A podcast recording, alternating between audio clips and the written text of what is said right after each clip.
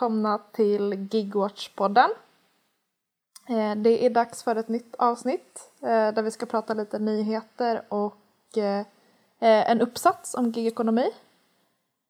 Jag heter Anna och med mig i, eller via nätet egentligen, har jag Sebastian. Och Filippa. Ja, och Filippa du, du är mm. ny.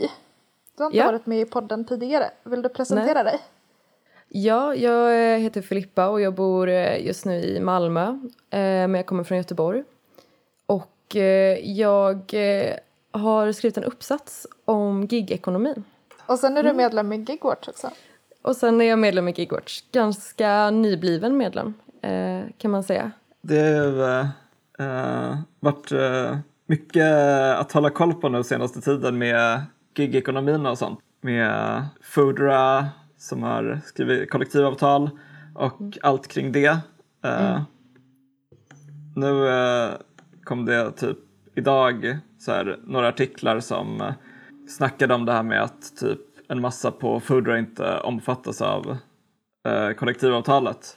Nej. Som vi typ, det var väl nästan vi som var lite först med att skriva om den grejen så här lite mer utförligt. så det är kul att andra har plockat upp den tråden också. Såg att det kom en mm. artikel i Svenska Dagbladet och Breakit och igår mm. i Arbetet. Mm. Yes, men eh, Sebastian, vill du berätta lite mer om alltså, så, vad, vad är grejen? Så, vad, ja. vad är det för avtal som har tecknats och vad innebär det? Jo, men det är att eh, liksom, det har hållit på ganska länge nu med att eh, Transportarbetarförbundet och Foodra har hållit på att liksom, förhandla om kollektivavtal. Eh, nu för en vecka sedan idag, typ i slutet på februari, så tecknade de faktiskt ett kollektivavtal och eh, folk var ju superpositiva till mm. det. Liksom. Alltså det skrevs på ganska många ställen att liksom, eh, för att det hade varit en grej under förhandlingarna att eh, Transportarbetarförbundet verkligen ville att liksom, de som även kör bil för Foodora skulle omfattas av avtalet, vilket Foodora inte ville. Mm. Utan de ville att det bara skulle gälla för typ cykelbud och mopedbud. Uh, och sen så liksom rapporterades det väldigt mycket när de väl fick igenom det om att så här, ja, men nu omfattas alla bud av avtalet som uh, uh, Transport ville hela tiden. Det är bara det att sen så visade det sig att typ, det finns en massa bud som jobbar för Foodra och typ har på sig Foodras kläder och jobbar via den appen men som inte är anställda av Foodra utan som är anställda av typ så här, skalet av det här gamla företaget hungrig.se mm. uh, som vi har snackat om tidigare i podden de är liksom deras formella arbetsgivare vilket gör att de inte omfattas av det här kollektivavtalet och det är typ så här tusen pers. Så det är skitmycket folk. Och eh, det verkade inte som att så många liksom fattade det förrän typ nu de senaste dagarna när det har kommit lite granskningar och sånt. Mm. De eh, har liksom skitvillkor. Det är mm. typ ännu sämre än villkoren cykelbuden hade innan kollektivavtalet. Just det, för de har väl så här noll kronor i garanterad timlön utan jobbar bara på provision. Exakt. Mm. Uh. För det är väl så att om man beställer mat via Foodora-appen så kan det komma, alltså den som kommer att lämna maten kan, alltså det kan både mm. vara någon som är anställd liksom via hungrig.se-företaget mm. eller via Foodora-företaget. Alltså så att de, de gör samma saker och får liksom uppdragen från samma ställe. Mm. Bara att så här, deras, alltså så här, på deras arbetsavtal liksom så står det, mm. står det olika. Exakt. Alltså folk, mm. jag har ju sett typ folk på Twitter som bara stöd en knegare, använd Foodra. Mm. Um, och det är verkligen så här, alltså det finns ju ingenting som garanterar att man kommer få en här, kollektivavtalsansluten person som kommer att leverera mat till en. Uh, de Nej. kanske kan lägga till en sån funktion i appen men, men det kanske inte är det som är grejen med kollektivavtal heller. Liksom, att uh, det ska vara någon jävla svananmärkning liksom. Nej, exakt. Och det känns som ett väldigt klassiskt, ett väldigt klassiskt sätt för företag att slippa eh, följa kollektivavtalen för sina anställda. Att man har ett symboliskt avtal och sen är typ två pers anställda genom det avtalet mm. och sen är alla andra anställda på typ bemanningsföretag eller andra företag som underleverantörer. Men är det, är det en utbredd grej? Ja, det tror jag är ganska vanligt. Alltså, till exempel är ju bemanningsföretag väldigt vanligt på arbetsplatser. Jag tänker typ på, från min gamla hemstad då, Volvo. Eh, då är det liksom att mm. man kan vara Volvo-anställd och då tjänar man pissbra. Eller så är man anställd på bemanningsföretaget som Volvo anlitar och då tjänar man ja, inte lika bra om man inte är fastanställd eller sådär. Eh, och så kan man liksom komma runt eh, vissa eh, regler eh, eller begränsningar från företagets sida på det sättet. Just det. Jag läste någon eh, intervju i eh, nya numret av Brand med eh, Mikael Nyberg som har skrivit den här boken Kapitalets automatik som vi har pratat några gånger om i podden. Och i den intervjun så pratade han lite om att så här, typ att det här med att det är färre som är anställda i industrin idag är också lite så här, det finns en dimension av det som är att liksom många av de som tidigare var anställda av industrierna idag typ är anställda via men, olika städföretag och sånt. Eh, alltså inte direkt av typ industrierna och då räknas de till tjänstesektorn. Så det verkar ju vara rätt vanligt att man gör typ sådana upplägg. Nej men jag tycker att det är så konstigt liksom i debatten hur man alltså, sätter så himla mycket tilltro till kollektivavtal. Och även att typ folk säger nu bara, ah, men det här avtalet liksom visar vägen och vi hoppas att typ andra eh, gigföretag också kan ansluta sig till kollektivavtal. Men grejen med de flesta andra gigföretag som typ Uber Eats och Volt och Bolt är ju att de som jobbar där inte ens är anställda. Så liksom det första man måste göra i så fall är ju att se till att de är anställda. eh, exakt. för att ens kunna få kollektivavtal. Och eh, det kanske man borde ha tänkt på gällande Foodora också. Att eh, alla borde vara anställda av det företag de jobbar för typ. Annars så blir det ju lätt lite B-avtal typ. Ja, jag tänker att det liksom är eh, nästan roten i hela gigekonomin. Frågan om var man är anställd eller om man har en anställning överhuvudtaget. Och eh, det blir liksom mycket kring eh, i gigekonomins upplägg eller affärsmodell eh, är ju faktiskt att man inte ska vara anställd av appen eller plattformen. Eh, och då blir det om, liksom, vem ska man då sluta ett kollektivavtal med? Liksom den här personen som har lagt ett bud när man ska bära ut en sopor eller köra hem mat till den. Då är det ju den som är ens arbetsgivare. Eh, så det, det ligger lite i hela modellens natur att eh, anställd, man är inte anställd nödvändigtvis av plattformen. Ja precis, Foodora är väl någon slags undantag i sammanhanget. Att de har, och de är så snälla så de har en månaders kontrakt med sina anställda. Väldigt kort anställning men fortfarande en, en anställning liksom. Ja men eh, det finns så hur många sätt att kringgå det och som vi har lyft fram flera gånger så är det liksom till exempel det här i eh, Norge att de buden var anställda där på Foodora. Men sen så när de liksom lyckades få lite bättre villkor på arbetsplatsen så liksom gick de över till att mer och mer anlita egenanställda. Det känns som att man liksom man måste kanske börja i den ändan att man ser till att det inte finns en massa så skumma kryphål som företag kan använda.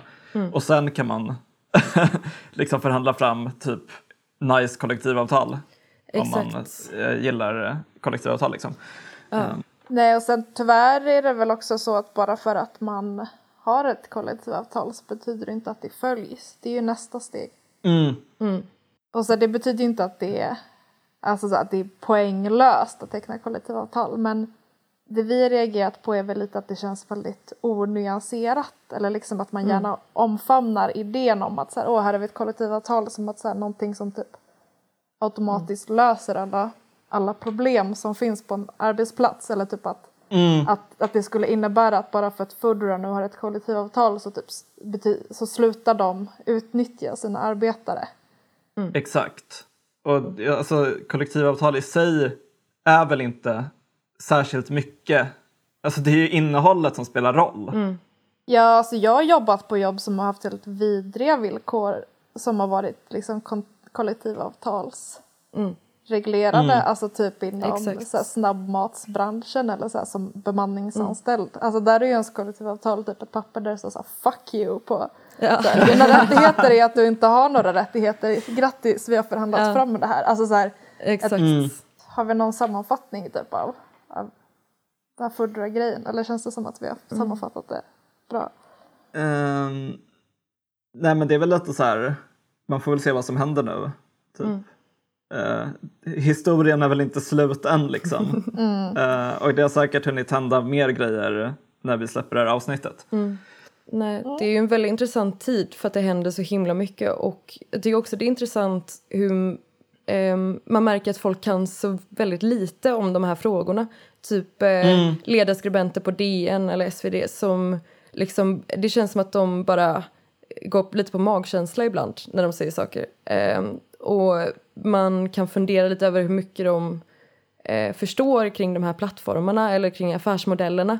Och det, det tycker jag även märks i, alltså från kanske fackligt håll, att man säger så att nu har vi kollektivavtal, nu är allting löst. Eh, möjligtvis kan man förbättra eh, ja, men lönerna lite, kanske nästa avtalsrörelse.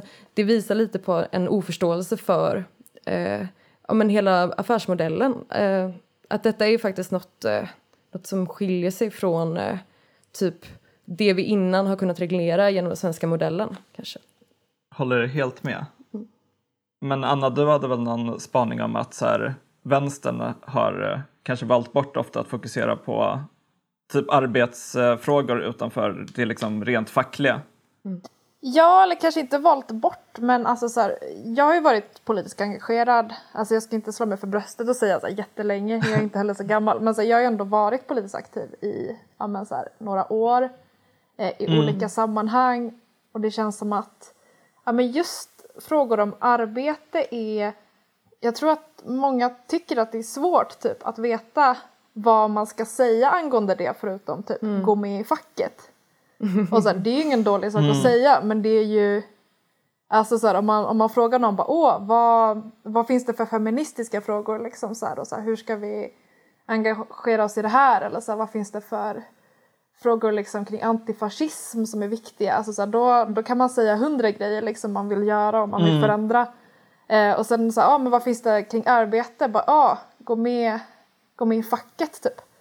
Eh, då Trusty experts. Exakt. Ja, precis. Så att man, och så här, facket är ingen dålig arena men det, det är ju kanske inte den enda arenan för att prata om och så här, förändra liksom, arbetsvillkor. Det bör i alla fall inte vara den enda arenan. Eh, Nej. Det borde finnas eh, en bredare debatt i samhället tycker jag och överallt kring vad, vad är arbete, vad vill vi att det ska vara? Eh, liksom, eh, Vad är framtidens arbetsmarknad om vi liksom föreställde oss att vi kunde styra det på något sätt? Påverka Ja. utvecklingen. Vad hade vi velat då? Det tycker jag saknas eh, helt i eh, svensk Ja. debatt. Verkligen. Och jag tänker att alltså, så kanske en, en, av- en av de främsta bristerna med att tänka så här, okej men det här är en facklig fråga är ju att så här, eller så här, det är också fackets styrka att liksom man, om man ska vara fackligt engagerad så är man ju det på stället man jobbar på. Och det är ju det är jättebra liksom för att så här, om man jobbar på ett ställe så, så här, då, då berörs man liksom av arbetsvillkoren där och så här, vet hur det är att jobba där. Men det, det går ju heller inte att dela upp. Och även om du inte jobbar på en arbetsplats så betyder ju inte det att arbetsvillkoren på den arbetsplatsen inte rör dig. Eller så, du kanske inte ens har ett jobb men, men det betyder ju inte att, så här, att du inte berörs av frågor om arbete. Alltså så här, hela samhället Nej, är ju uppbyggt på arbete. Alltså så här, utan det skulle det inte fungera. Det är ju Nej. alltså folk som inte kan arbeta eller inte liksom får arbeta för att liksom de är arbetslösa. De berörs ju av det lika mycket eh, som de som har ett arbete och så här, liksom nu för tiden så är det ju inte heller säkert att, så här, att man kanske har en fast arbetsplats eller så här, man kanske hoppar runt mellan massa olika jobb eh, på, på ett sätt som kan göra det svårt typ att så här, rama in typ ens, ens erfarenheter och så här, problemen man stöter på i så här, ett fackligt sammanhang. Alltså så här, om jag jobbar extra så här, inom vården eh, men också lite på en restaurang och sen så här, kanske jag kommer jobba med någonting kopplat till en utbildning jag pluggar i framtiden. Vilket, vilket fack är det som driver mina frågor då?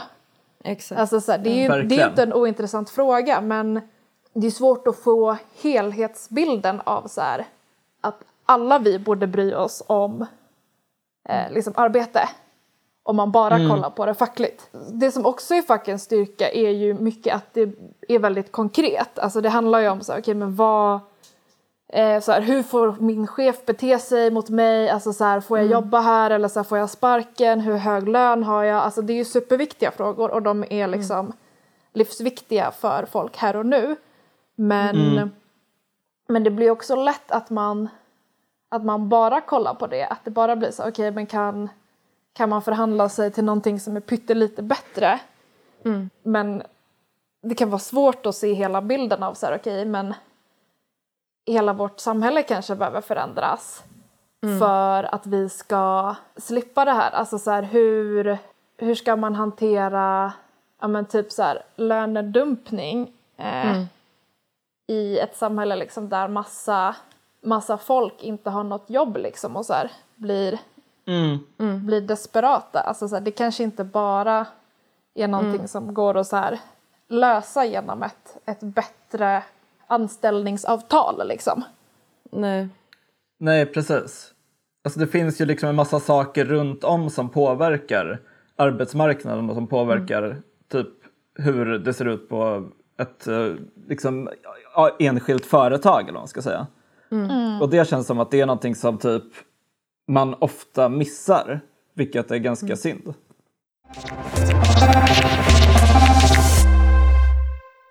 Filippa, vill du, vill, vill du börja berätta lite? Så här, vad, vad är temat för din uppsats? Vad är det du har skrivit om? Absolut. Eh, min eh, uppsats som jag har skrivit då eh, eh, vid Lunds universitet den heter Inget eh, riktigt jobb. Eh, en studie över arbete och kontrollmekanismer inom fyra svenska gigföretag. Eh, och det var så att jag visste att jag ville skriva om arbete och hur arbete organiseras. Eh, och sen så var jag inne på lite olika gigföretag på typ Workish, Taskrunner, Foodora och sådär. Och så slogs jag av hur otroligt märkliga de här marknadsföringstexterna var. Att det var liksom... ehm, jag kände så här, vad handlar det här om egentligen? Det här skiljer sig från allt annat man ser eh, någon annanstans. Liksom. Ehm, jag upptäckte också när man klickar runt lite att det fanns liksom ett dubbelt tilltal väldigt mycket. Där det fanns väldigt tydliga liksom, implicita läsare, eh, som jag kallar det, som är liksom vem förväntas läsa det här? Vem vänder man sig till? Och då var det liksom till de man då, eh, till uppdragsgivarna, då kunde det stå liksom eh, så, eh, mer tid för Netflix och, Netflix och chill, typ eh, vem orkar bära ut sina egna sopor, eh, här är en person som har tid, eh, låt den göra det, typ. Ehm, Alltså till de som beställer eh, typ en uh, Jepster-ungdom exakt. att kratta löv åt dem. Ah. Exakt. eh, och, eh, liksom, och sen när man då läste på typ flikarna som var till för de som skulle ta uppdrag eh, då var det typ eh, kanske det stod så här hej Jong, så här, ung entreprenör sökes typ vill du tjäna extra pengar? Det, eller så stod det typ eh, vill du ha ett extra jobb? Eh, Vill du tjäna lite småpengar vid sidan av? Sådär. Och jag tyckte liksom att allt det här var väldigt intressant för att det förutsattes väldigt mycket i de här texterna om personerna som skulle bruka dem. Eh, och där någonstans eh, föddes väl någon slags liksom, undran kring hur det här kunde förstås. Typ. Så det mynnade ut i att jag gjorde, en, eh, gjorde textanalyser av de här marknadsförings och informationstexterna. Och eh, genom det liksom, diskuterade hur arbete formulerades och vilka narrativ som fanns kring arbete och arbetstagare, arbetsgivare och sådär. Och eh, så tittade jag på eh, typ hur eh, apparna då, som säger sig vara neutrala förmedlare, eh, de ser sig liksom som tomma anslagstavlor bara där man kan sätta upp och, och söka jobb liksom. Eh, hur de då i allra högsta grad formar arbetet och arbetsprocessen. Ehm, Mm. Vilka appar var det du kollade på?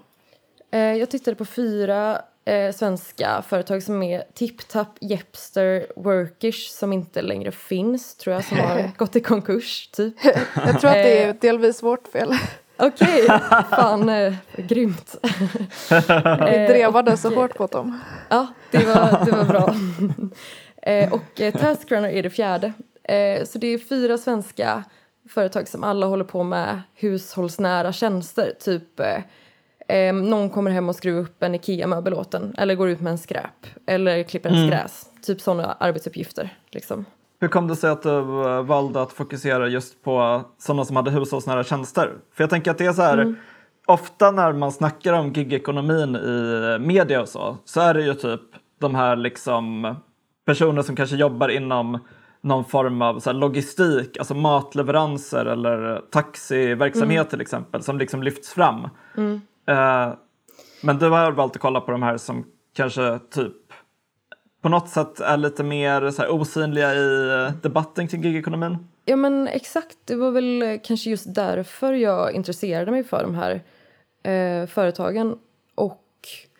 Eh, det är intressant när de är så osynliga. Liksom, för att Foodora och sådär, de ser man ju på stan överallt. Man kan inte röra sig ute utan att se ett Foodora-bud. Mm. Ehm, um, men de här företagen, de liksom verkar i skymundan på ett mycket, mycket mer. Och uh, sen så tyckte jag att det fanns ganska stora likheter mellan de här fyra företagen. Så på det sättet var det ganska tacksamt att kunna jämföra dem. För de förmedlar ju i princip samma sorts arbete, eh, alla fyra. Men de beskriver arbetet på helt olika sätt. Eh, mm. Så det är väl liksom en utgångspunkt i att eh, de här fyra företagen är ganska lika varandra. På, på vilket sätt skilde sig liksom beskrivningarna? Eh, jag tyckte mig liksom se tre olika sorters eh, narrativ kring arbete i hur de här företagen pratade om arbete. Och det är liksom på vilket sätt de vill legitimera sin verksamhet och typ eh, framställa den i så god dager som möjligt. Och det ena sättet är att försöka förknippa det med delningsekonomi eh, som är liksom ett väldigt flummigt och luddigt begrepp eh, men med väldigt positiva eh, konnotationer. Typ. Att det bygger liksom mm. på att så här, vi är bara jämlika människor, kanske ett kvarter som kanske känner varandra. Och sen har någon verktyg och någon har en symaskin och då kan vi bara byta eller liksom dela dem mellan varandra. Och um, det är liksom bara, alltid bara väldigt härligt i delningsekonomin. Uh, och väldigt typ icke-kapitalistiskt. Exakt. Att uh, i delningsekonomin så vill man liksom tänka sig att där gäller andra en annan logik än den kapitalistiska logiken. Och det finns ingen över eller underordnad. Liksom. Det finns ingen som ger arbete och någon som tar arbete. Utan det är liksom att vi alla är jämlikar typ, och hjälps åt. Just det, um, det, är liksom, det är bara mm. någon som råkar ändå vara på väg till soptippen som kan ta med Exakt. ens sopor. Exakt. Och det här med att uh, ja, men så här, det, det, är ett företag som tar 25 procent av betalningen för att man lånar sin grannes verktyg. Alltså, så här, det, precis. Eh, och det, I min uppsats har jag med lite eh, typ eh, citat och sånt från, från de här texterna och jag tänker ett, ett bra exempel på det här när det bara är att man hjälper varandra det är hur appen Jepster eh, skriver då till människor som kanske eh, vill ha hundvakt typ. Och då skriver de hunddagis är dyrt och matchar kanske inte helt dina behov. Vad du behöver är en ju, ung djurälskare som kan hänga med vovven när du inte har möjlighet. eh, och det är liksom ett sätt att måla upp det här på då. Eh, att det liksom är bara en ung, eh, en ungdom som älskar hundar så då kan den då blir den lika glad som du av att få hänga med din hund och så kan du mm. göra något annat typ. Ja, då liksom lånar man språk eh, och symboler från delningsekonomin. Eh. Mm. Just det, för jag, jag, har, jag har laddat ner någon sån här app alltså som typ är en delningsekonomi-app på riktigt. Mm. Alltså den är typ man ja. kan dela med sig av, av mat. Mm. Som heter Olio. Och så, så kan man lägga upp typ, åh jag har, jag, vet, jag har bakat bröd typ och det blev för mycket, mm. kom och hämta och sånt. Mm. Och där är det ju alltså, så här, där är ingen transaktion inblandad utan där är det ju bara Nej. hämta maten liksom. Mm. Och det är väl mm. det som egentligen är skillnaden. Alltså, så här, jag, jag, tänker att det hade väl varit skitnice med en, med en app som matchar mm. hundägare typ med, med tonårskids som vill så här, mm. gulla med en hund en stund. Men frågan är ju var Jepster kommer in och tar tar liksom x antal procent av betalningen och så här ska uppfostra barnen till entreprenörer. Liksom, ja. på. Precis. Precis. Och det, det, och det finns ju inte liksom någon jävla så här Stena Line-miljardär som vill eh, investera en massa pengar i en sån app. Nej. De vill investera pengar Precis. i en app som eh, kan liksom ja, men, eh, krama ur pengar ur de här ungdomarna. Exakt. Uh, Så det är lite liksom Ja. Ja, men lite det som vi pratade om i förra avsnittet. Eh, att eh, liksom vilken teknologi vi får, eller vad man ska säga, är ju väldigt liksom någonting som inte är neutralt utan någonting som är väldigt liksom styrt av någon slags vinstmotiv. Eh, och det känns väl som att man ser ganska tydligt att liksom delnings, det som lyfts fram ur delningsekonomin är det som faktiskt eh, ja, får de investeringarna och sånt. Exakt. Det är ju väldigt liksom, attraktivt, den tanken om en delningsekonomi. Eh, att det skulle funka, för det hade ju haft jättemånga fördelar. Eh, som du sa, Anna, att eh, det hade ju varit jättehärligt om det funkade. Eh, men Jepster kanske inte är ett exempel på delningsekonomi. För det handlar ju faktiskt om att anställa eh, ungdomar, de förmedlar ungdomsjobb eh, för att göra hushållsnära tjänster i ens hem, typ. Eh, Exakt. Men okej, men så, så ett narrativ är liksom det här, det du beskrev precis. Vad, vad finns det för flera som du identifierade? Ehm, ja, men ett som vi redan har varit inne lite på som också är väldigt tydligt i just uh, Jepster det är liksom den framtida entreprenören typ. Eh, och det tycker jag är jätteintressant för det handlar om hur man att Jepster då eh, liksom bemöter de här ungdomarna som de får vara mellan typ 15 och 21 tror jag. Ehm, Med liksom en to, ett tilltal som är liksom att det här är inget extra, det här är inget riktigt jobb men vi ska lära dig att, bli, eh, att arbeta och vi ska ge dig knep och tricks typ för att bli en duktig entrepreneur som de skriver.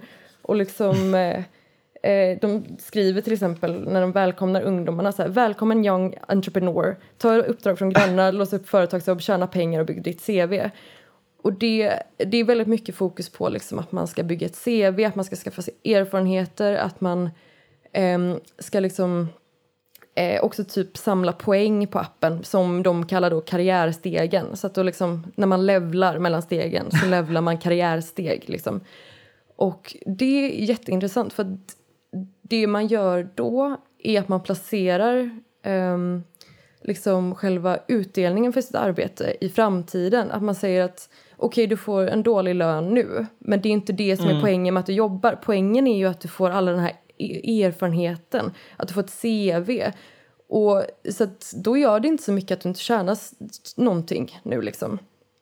Eh, så att man skjuter hela tiden upp eh, liksom utdelningen för sitt arbete. Och jag tänker att det är jättevanligt även utanför gigekonomin.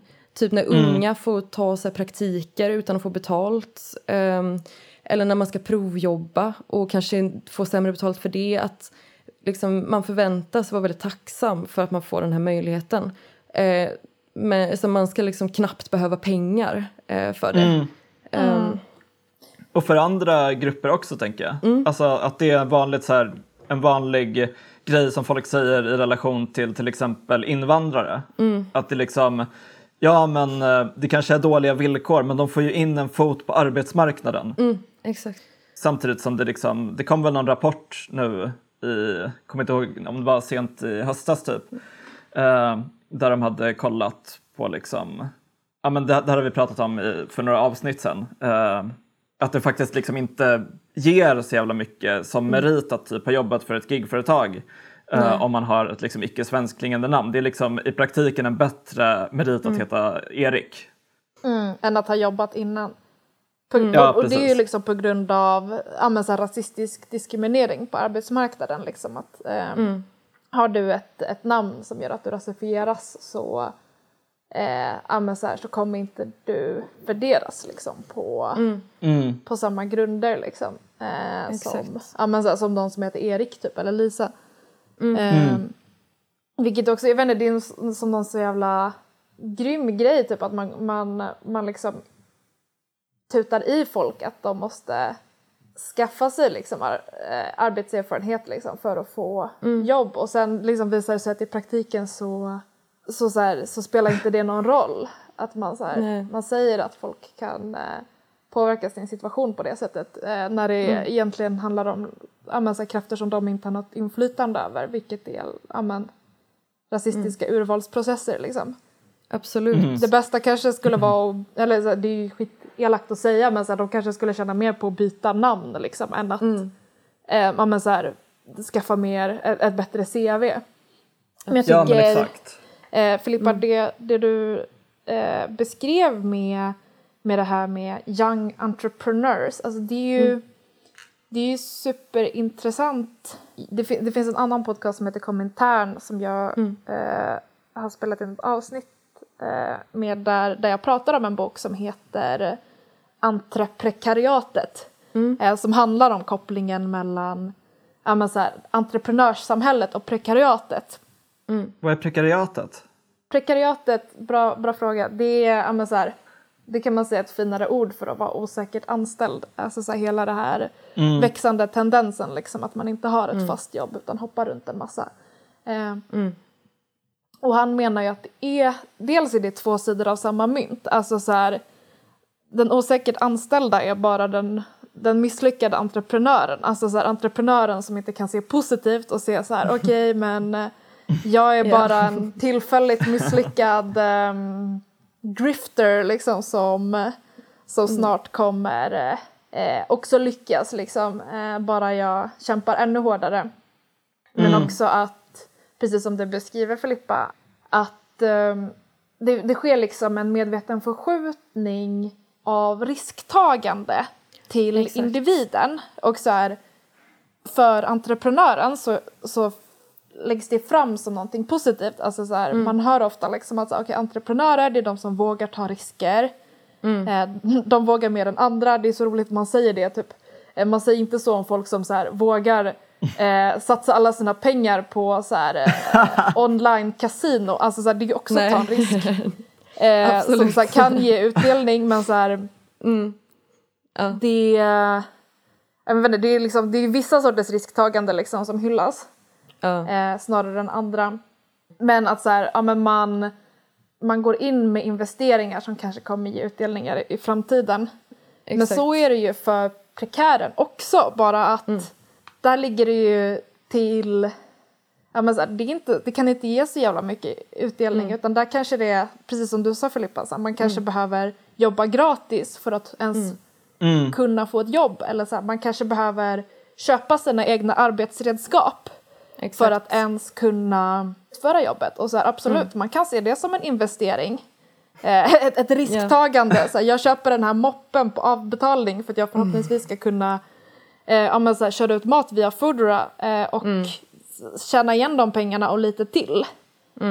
Men, eh, men det är ju inte så fördelaktigt. Men det, är liksom, Nej. det, det, det paketeras ju i den här entreprenörs... Här, den glossiga entreprenörsdrömmen liksom.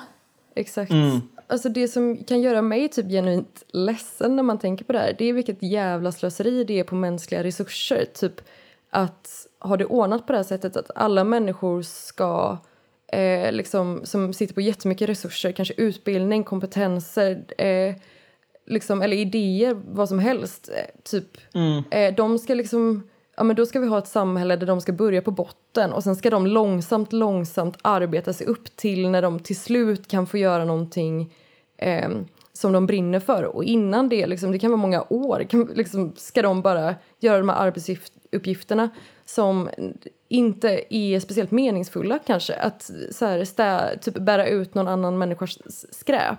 Det kanske Ja. inte, om vi ska prata om vad som, vilket arbete som behöver utföras i samhället, kanske inte det är nummer ett. Liksom.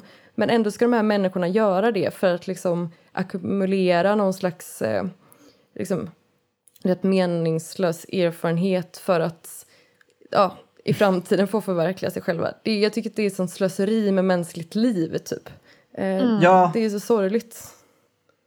Det, det påminner mig också om en grej som eh, det stod i den här boken som vi pratade om i förra avsnittet, eh, Automation and the Future of Work av Aaron Benanav.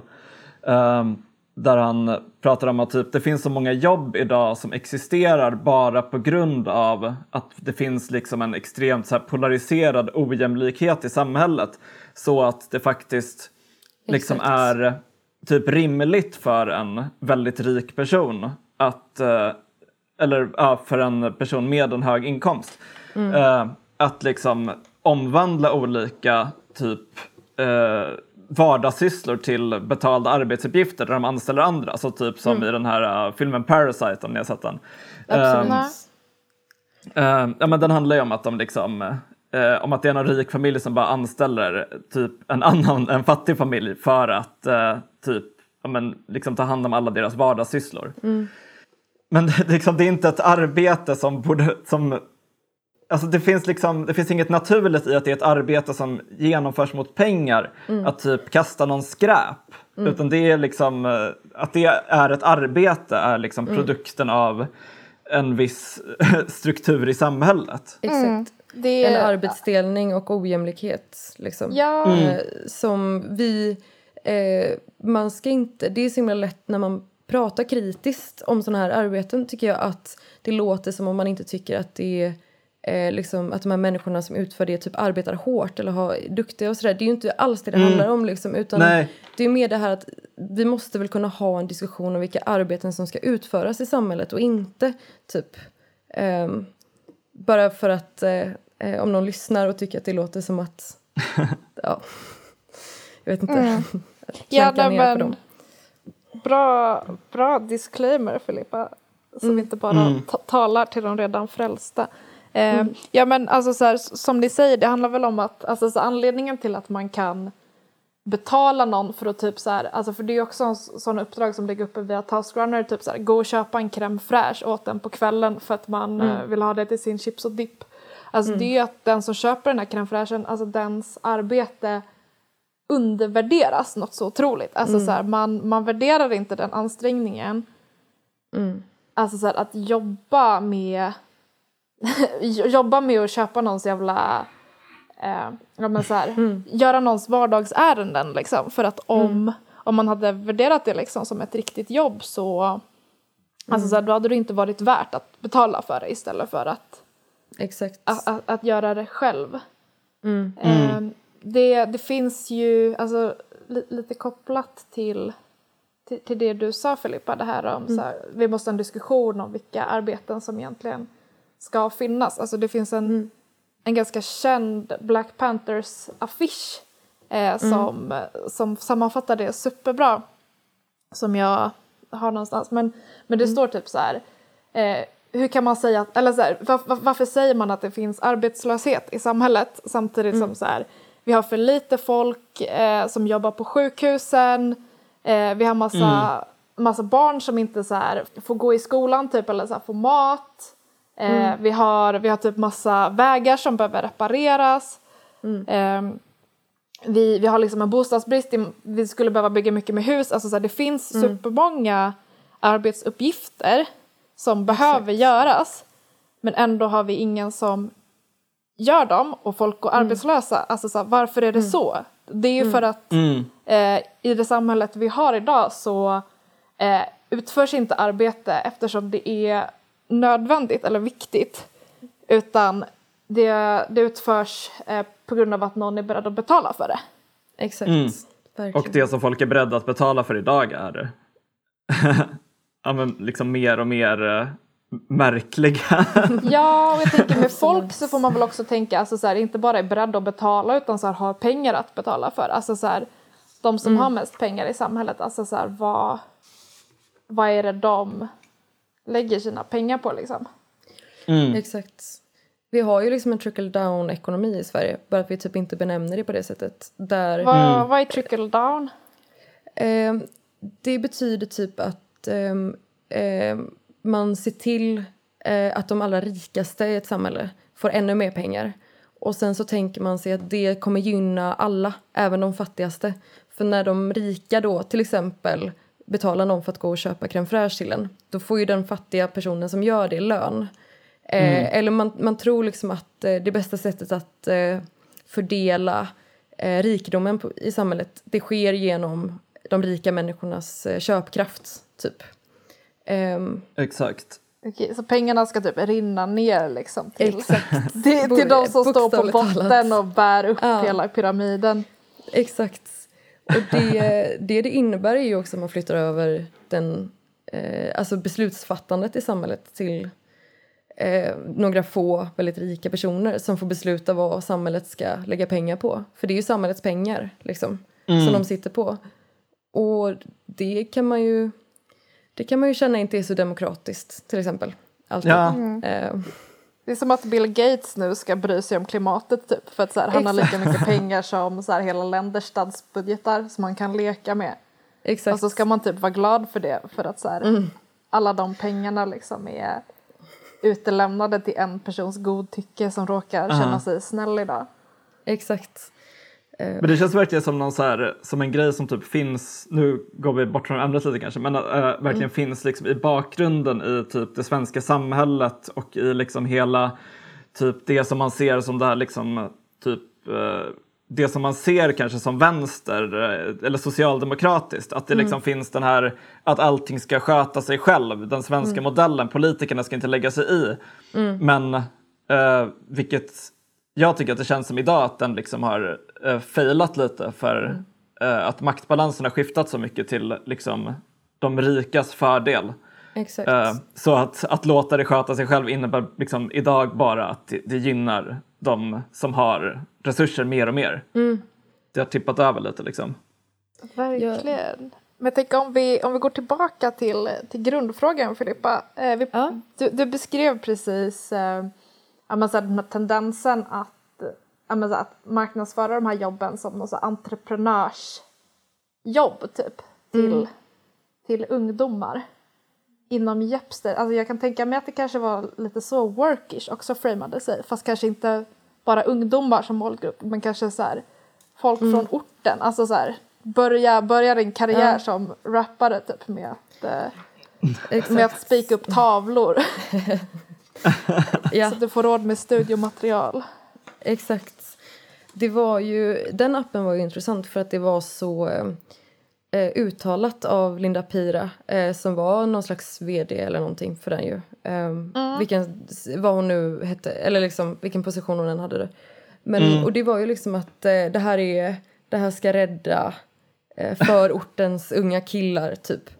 För nu kan de få eh, extra jobb genom eh, Workish. Och eh, på det sättet då ja, eh, ha städade liv på något sätt, eller vad man tänkte sig. Ehm, och det, det knyter lite i, liksom an till det som är typ en av mina stora poänger eh, för uppsatsen. Och det är att ehm, liksom, i alla de här fyra företagen på lite olika sätt så pratar man om det arbetet som för, eh, förmedlas genom apparna som någonting annat än riktigt arbete. Alltså det är bokstavligt talat work-ish. Liksom. eh, och det. ja, det är ganska roligt att de döpte, döpte sin app till det.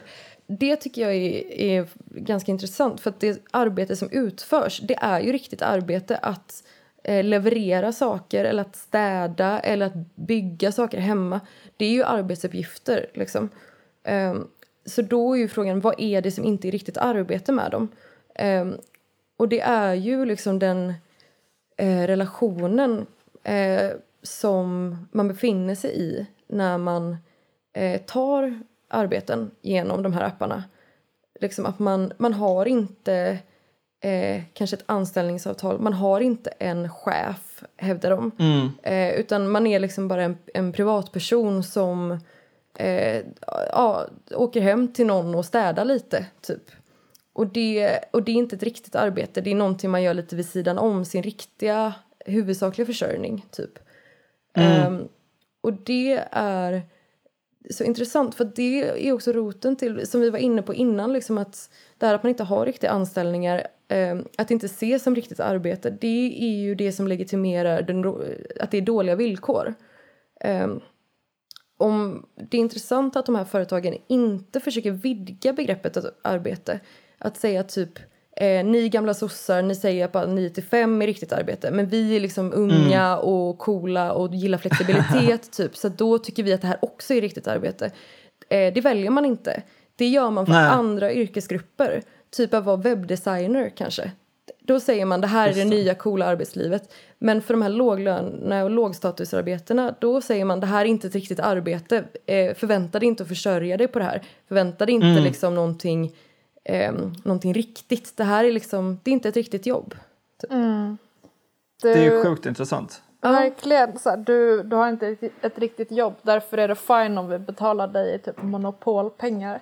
Exakt. Eller i XP-poäng som man får på Jepster liksom. eh, så får man liksom vand- levla i karriärstegen. Ja. Uh, men, men, jag, men jag tycker det är väldigt intressant för att alltså så här, precis, precis i gigekonomins begynnelse, alltså det var inte så länge sedan, alltså vi pratar kanske 2018, alltså så här, när, när vi började kolla på, på gigekonomi liksom som begrepp, precis när det hade börjat snackas om, då tycker jag att tonen var lite annorlunda, alltså då kan jag minnas att att det var lite den jargongen, typ att såhär, åh, sosse-Sverige slängde i väggen, eh, nu behöver man inga anställningskontrakt typ, eller så här, en, en, en chef för att kunna jobba, det här, det här är framtiden typ. Så det är ju, det är väldigt intressant att de, alltså så här, man, man kan ändra ganska snabbt typ eh, hur arbetet beskrivs. Exakt. Att man liksom, man försöker typ passa ut, ja men så här, okej man prövar först så här, ja det här är nya coola jobb, okej det var ingen som tyckte att det var nya coola jobb, okej men det är ändå inget riktigt jobb så ni behöver inte skälla på oss.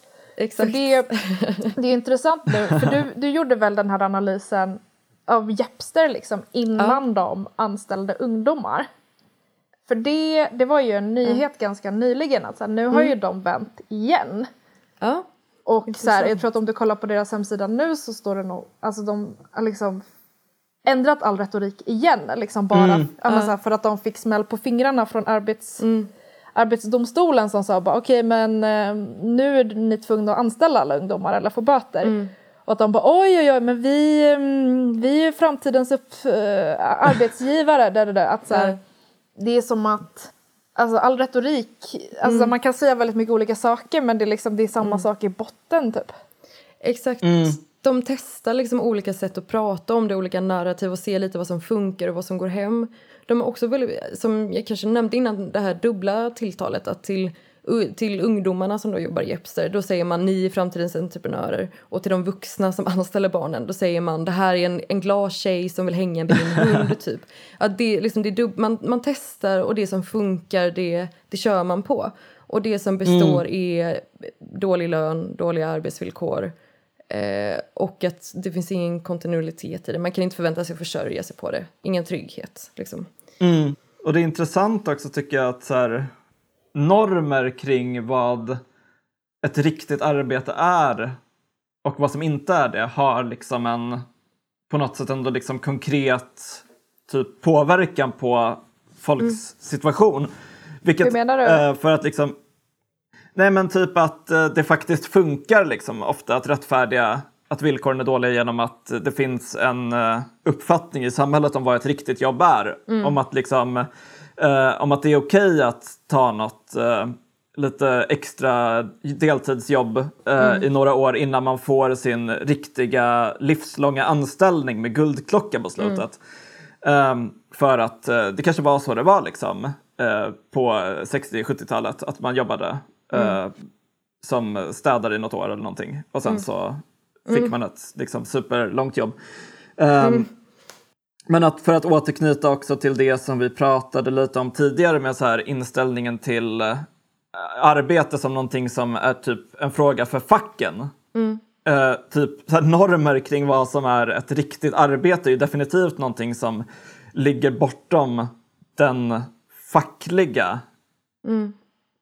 Kanske, kanske i alla fall, jag vet inte. Ehm, men det är kanske inte vad de flesta tänker på när de tänker på liksom fackligt arbete.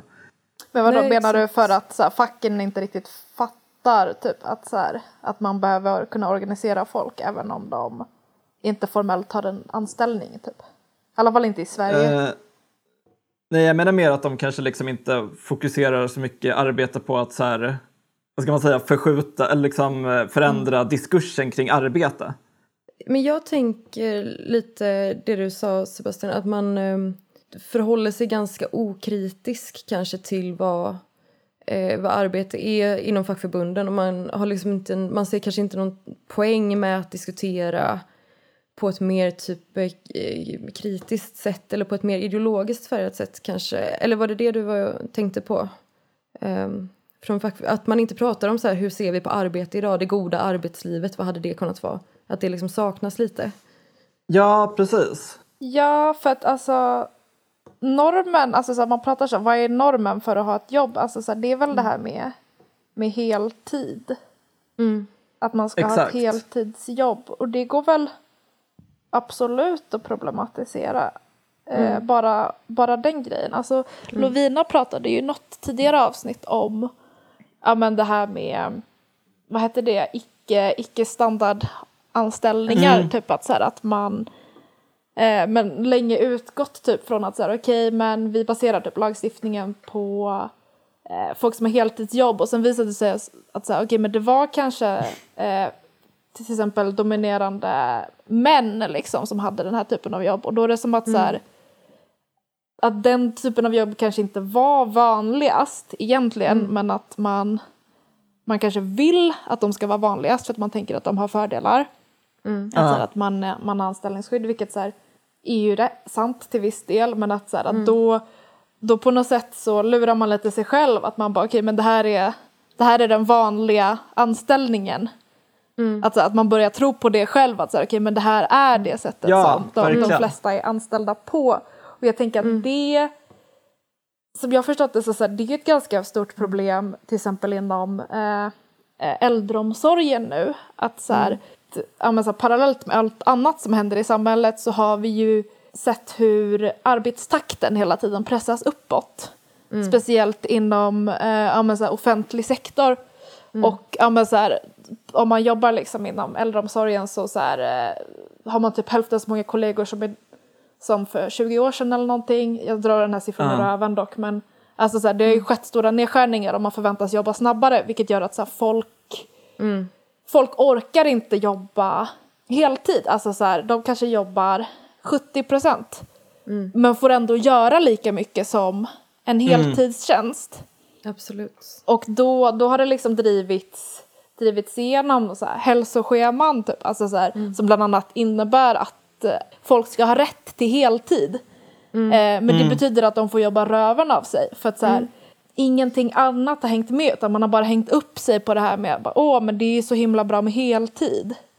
Anna, det var ett jättebra exempel tycker jag på det vi har pratat om. Att man inte har, att man, eh, det liksom, man kan inte ha två tankar i huvudet samtidigt. Att, eh, ja, det hänger inte med liksom, utvecklingen, som du sa nu. Det är ett jättebra Exakt. exempel. Rent praktiskt så kanske man också kan se då att så här, det har skett en förskjutning i vad heltid innebär på grund av nedskärningar. Att så här, du, du, jobb, du jobbar inom situationstecken bara 70 procent men du gör lika mycket som någon som är heltidsanställd. Det innebär ju i praktiken dels en lönesänkning för dig. Alltså du får bara 70 procent av din lön fastän du jobbar åtta timmar om dagen, fem dagar i veckan. Eh, men också liksom att ma- man har på något sätt omdefinierat liksom så här vad heltid är utan att omdefiniera det även i sina eh, officiella krav man driver. Och då står man där och liksom så här får folk att gå in i väggen istället för att de, de kan inte jobba så mycket. Exakt. Och jag tänker att det typ också så här. Det känns som att det finns liksom två olika perspektiv eller vad man ska säga på hur man ska hantera normer kanske. Ehm, jag såg en så här, någon post på Twitter häromdagen från något amerikanskt konto. Där det stod typ normalize having a non-linear career path. och, och, och, ja, men, men liksom, och jag såg en massa folk som var arga på det. Det känns som att det finns en, det, finns ett perspektiv som är så här normalisera att ha skitjobb. Det låter ju dåligt. Det låter ju inte som någonting man vill göra. Men samtidigt liksom på något sätt så finns det ju, så är det ju en norm i samhället Ja. som man kanske måste utgå från snarare än att utgå från någon så här fantasivärld hur man vill att det ska vara. Ehm, och eh, liksom att ställa krav och eh, föra politik utifrån det som faktiskt är verkligheten. Typ. Och då kanske man, också, då kanske man liksom måste typ normalisera eh, det eller vad man ska, eh, hur man ska uttrycka det. Men det, det, liksom, det låter ju dåligt att säga det.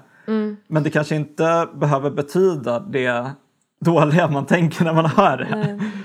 Vilket kanske innebär att det borde uttryckas bättre. Då. Ja. Men, ah, Men också att det är liksom, eh, det är ju handla- maktaspekten i det liksom att eh, Typ när en chef säger till en eh, det är väldigt normalt att ha ett dåligt jobb. Typ. Då, kan, Exakt. då, ska man ju, då ska man få panik liksom, för då Ja, blir det inte bra. Men när, eh, när de tankarna uttrycks från kanske ett vänsterhåll eller från anställda när man diskuterar om arbete och sådär då är det ju någonting helt annat man menar med det. Även Mm. om man eh, säger att det finns ju alltid liksom en... Eh, det, vem avsändaren är spelar väldigt stor roll för eh, narrativet och för Mm. Ja, följderna av det. Liksom. Ja. Ehm, Eh, men, men, men jag tänker också, alltså så här, i, i det här fallet kanske en del av problemet också är att alla på Twitter typ, alltså så här, har någon sån... Alltså de, de har hängt så mycket online typ att de bara kan tänka i termer av online så att de kan liksom inte, alltså allt måste vara typ normalize någonting eller så här ja, jo. bla bla bla, alltså Så bara sådana här diskursord typ. Alltså så jag tänker Mm. att normalisera, alltså det ordvalet i sammanhanget kanske inte är idealiskt att så här, att, att man kanske inte ska prata Mm. om så här, normalisera typ att ha ett skitjobb men så här erkänn för dig själv att så här som verkligheten ser ut idag eh, Mm. och så här, har sett ut ganska länge så har de allra flesta skitjobb eller så här, riskerar Mm. att få jobb med, med pissiga villkor. Eh, Mm. Det betyder inte att vi ska acceptera det som så här, en naturlag. Men som du säger eh, Sebastian, så, så här, man kan inte leva i en fantasivärld liksom, av, av att liksom, alla, alla kommer få heltidsjobb. Liksom. Eh, men Nej. jag tänker också Nej. så här, för alltså, så här, att det, det ofta är en svår grej typ som, så här, som prekär eller så här, osäkert anställd eh, idag att eh, det är jobbigt för självbilden typ att, så här, att tänka att man på något sätt definieras typ av sin arbetssituation för att ens arbetssituation suger. De allra, allra flesta som liksom jobbar på osäkra kontrakt, alltså oavsett om det är som cykelbud eller liksom som bemanningsanställda eller någonting, tänker ju så här, okej men det här är någonting tillfälligt, alltså så här, det här är ett skitjobb jag har just nu, men jag kommer kunna få ett bättre jobb. Men så här, helt enkelt för det är ganska jobbigt typ att dela med den insikten att så här, jag är fast i en situation som jag kanske inte kan förändra. Eller så, alltså, det är ju såklart att det, går- det går att förändra men man kanske inte ser hur man personligen liksom kan ta sig ur det. Om man erkänner att det inte bara är en, en, en tillfällig grej. Någonting som jag också tänkte på, eh, det här som vi sa liksom om språket och normalisera hur man ska prata om det, om man ska erkänna liksom verkligheten för vad den är. Det är eh, jätteintressant och det tänker jag liksom också koppla, återkopplar till liksom de här texterna, hur de be, beskriver arbetet och sådär. Men typ, jag skriver lite om det i något, någon del av uppsatsen om hur jobbannonserna, eller vad man ska säga, eh, är utformade handlar om att ö, liksom förtäcka verkligheten. Typ att när de skriver vi vill ha någon som visar framfötterna på jobbet. Det de menar då är vi behöver, det- det är jättestressigt här. Eh, var beredd på det typ och hantera det bäst du kan. Att det liksom är att språket, man talar liksom i koder som nog de flesta arbetstagare kan avkoda. Liksom. Om det står att man ska vara stresstålig och social då, kanske det, då vet man kanske att så här, fan, okej jag kommer jobba i ett serviceyrke där alla skäller på mig och det är jättestressigt. Typ.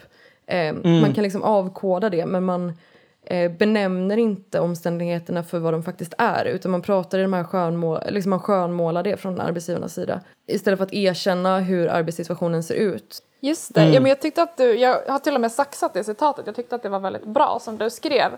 Eh, Att så här, de här kraven eh, syftar inte, alltså så här, kraven i rekryteringsprocessen då, eh, de, de syftar inte till att hitta rätt arbetstagare utan till att skapa rätt arbetstagare.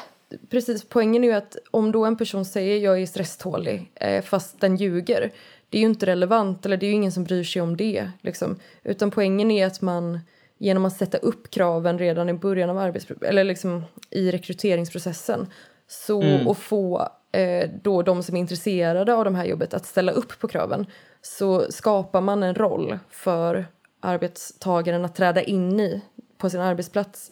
Det kan väl alla känna igen sig i när man skriver personliga brev. Liksom. Det, är ju inte, Mm. det är ju inte om att framställa sig själv som man känner att man är utan det är ju att försöka identifiera kraven arbetsgivaren eh, ställer på en och att försöka passa in sig själv i den berättelsen, typ. Men gud, det är, ju, det är ju jätteintressant. Jag har inte sett det på det här sättet innan. Men alltså så, det det i princip innebär är att så här, när, när ett företag typ skriver så här, vi söker dig som är stresstålig så, så handlar det inte om ifall man är stresstålig utan Nej. det som det går ut på är att man på intervjun kommer dit och implicit säger jag lovar att ja, men så här, vara stresstålig.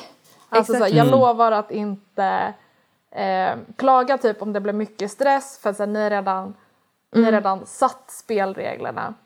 Det kanske förklarar varför det är så jävla hemskt att söka jobb nu för tiden. För att, så här, att allt, allt är liksom en, förtäck, en förtäckt ritual där man ska ja, men på något sätt bara visa sin underkastelse typ, till ja, men så här, arbets, arbetsköparens krav. Att, så här, att det är därför det känns så falskt typ, att skriva ett CV. För det handlar inte om att berätta vad man kan utan att, vad man kan gå med på. Det är liksom en förhandling. Typ. Precis, och det just när vi har en ganska hög arbetslöshet eller typ ungdomsarbetslöshet och allt sånt där, då blir det extra... Alltså då har man så, om man då eh, inte har en utbildning eller kanske håller på att utbilda sig till någonting eller liksom sådär, då har man så lite att erbjuda annat än sig själv och sin, liksom, sina personliga typ kompetenser. Eller man ska säga. Man har liksom så här, jag kan arbeta jättehårt utan att klaga. Eh, Det är det man har att erbjuda kanske om man söker jobb på ICA och inte har en utbildning. Så då är det liksom det man får, får buda med på något sätt.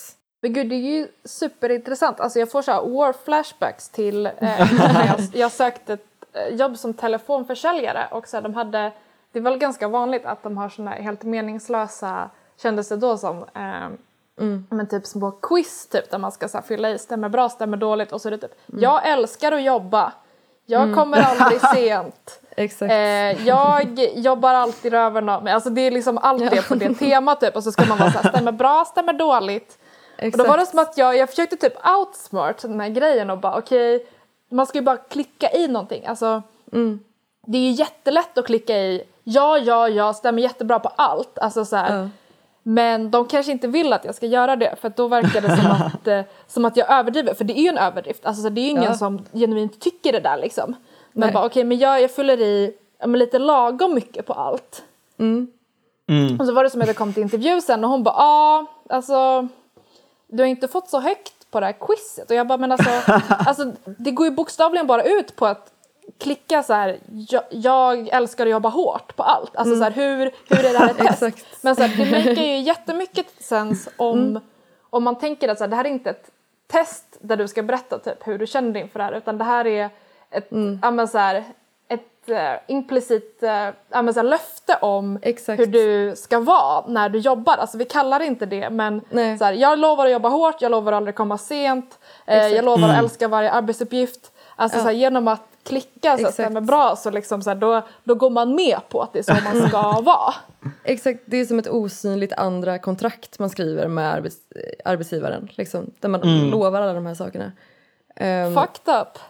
Ja, det är, eh, är väldigt deppigt. Ehm, Men det- du tar ju upp mycket kring det här med, med liksom emotionellt arbete också.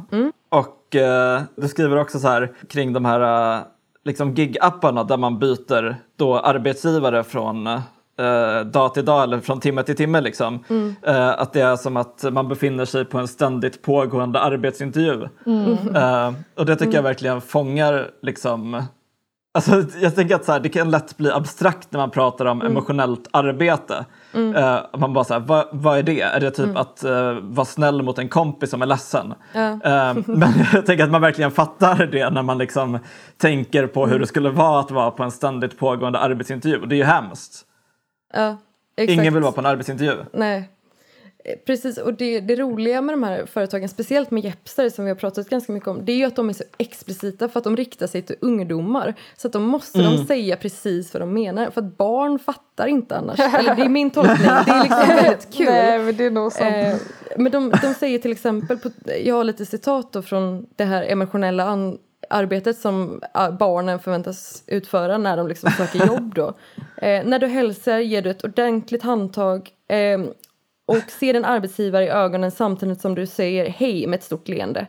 Eh, du tackar alltid för att du får genomföra uppdraget i chatten efteråt. Detta är extra viktigt för personer som du inte har jobbat för tidigare. Eh, och det är ju liksom att de då explicit säger till, de här barnen att de ska tacka för att de fick utföra arbete. Eh, Mm. Det är liksom är, det är ganska eh, grovt tycker jag. Det är det verkligen. Tänk om man gjorde så på sitt jobb. Bara, tack, Ja.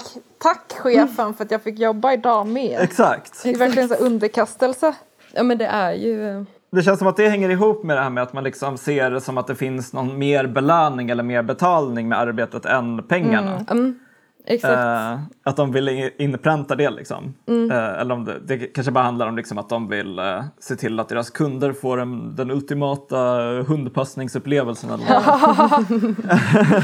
ja. Men det visar ju så tydligt att det är liksom det är inte någon städdag på gården med korvgrillning där grannarna hjälper varandra utan det är Nej. faktiskt ett jobb. Exakt. Och att plattformarna har, är väldigt aktiva i att forma hur det här arbetet eh, genomförs och hur det ska utföras och vad man förväntar sig av eh, de involverade parterna. Liksom. Eh, och det, är inte, det visar sig plötsligt att det inte alls bara är en blank anslagstavla där man kan sätta upp annonser utan det är liksom faktiskt en, en aktör eh, som delar arbetsgivaransvaret eller vad ska jag säga ar- arbetsgivarprivilegiet kanske eh, utöver de här eh, människorna som tar uppdrag. Ja, du, du, du skriver på ett ställe så här. Eh, det tycks som att en gigjobbare är fri så länge den inte gigjobbar. Eh, vill du utveckla lite? Eh, ja, alltså det är lite apropå då liksom, ja, men en del i narrativet som riktas mot arbetstagare, folk som tar uppdrag, då, det är liksom att man ser att eh, det här är en chans för dig att bli din egna chef. Typ, nu får du bestämma hur mycket, själv, hur mycket du vill arbeta och när och hur och allt sånt där. Och det är liksom en frihetsgrej eh, då. Eh, och när man eh, tittar närmare på det så är det att det är ju ingen frihet i att typ eh, bestämma hur eller när arbetet ska utföras utan den, den enda friheten man har är ju att tacka nej till uppdrag som man inte tycker känns kul eller viktigt sådär. Och den kan ju bara realiseras om det inte är ens huvudförsörjning. För att om det är ens försörjning då måste man ju ta eh, liksom, uppdragen som kommer. Det, då kan man ju inte välja bort dem. Så Nej. man är, i gigekonomin är man fri som arbetare om man inte är beroende av inkomsten och man eh, liksom har möjlighet att tacka nej. Typ. Och det, vilket man inte ens har på alla, på alla plattformar. Just. Eh, men just de här fyra som jag har tittat på, då kan man liksom tacka nej till uppdrag. Det är man fri till i alla fall. Det är man fri till. Man är fri på sitt arbete så länge man inte arbetar. Liksom.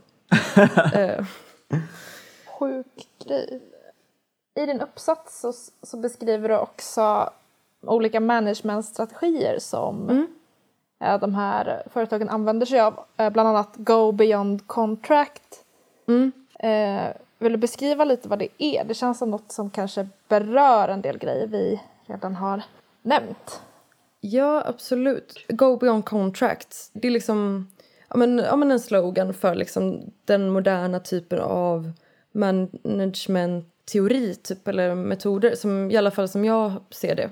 Och det handlar om att alla styrmedel som finns på arbetsplatser de syftar hela tiden till att eh, få um, arbetstagaren att eh, arbeta mer än vad som man får betalt för. Typ. Eller mer än liksom, säg att man har ett kontrakt med definierade eh, arbetsuppgifter. Då ha- liksom syftar eh, managementverktygen till att få en att göra ännu mer av personliga skäl. Kanske till exempel eh, att man anordnar tävlingar på arbetsplatsen. Att man kanske ut, jättevanligt att man utnämner kanske eh, så här, månadens anställda.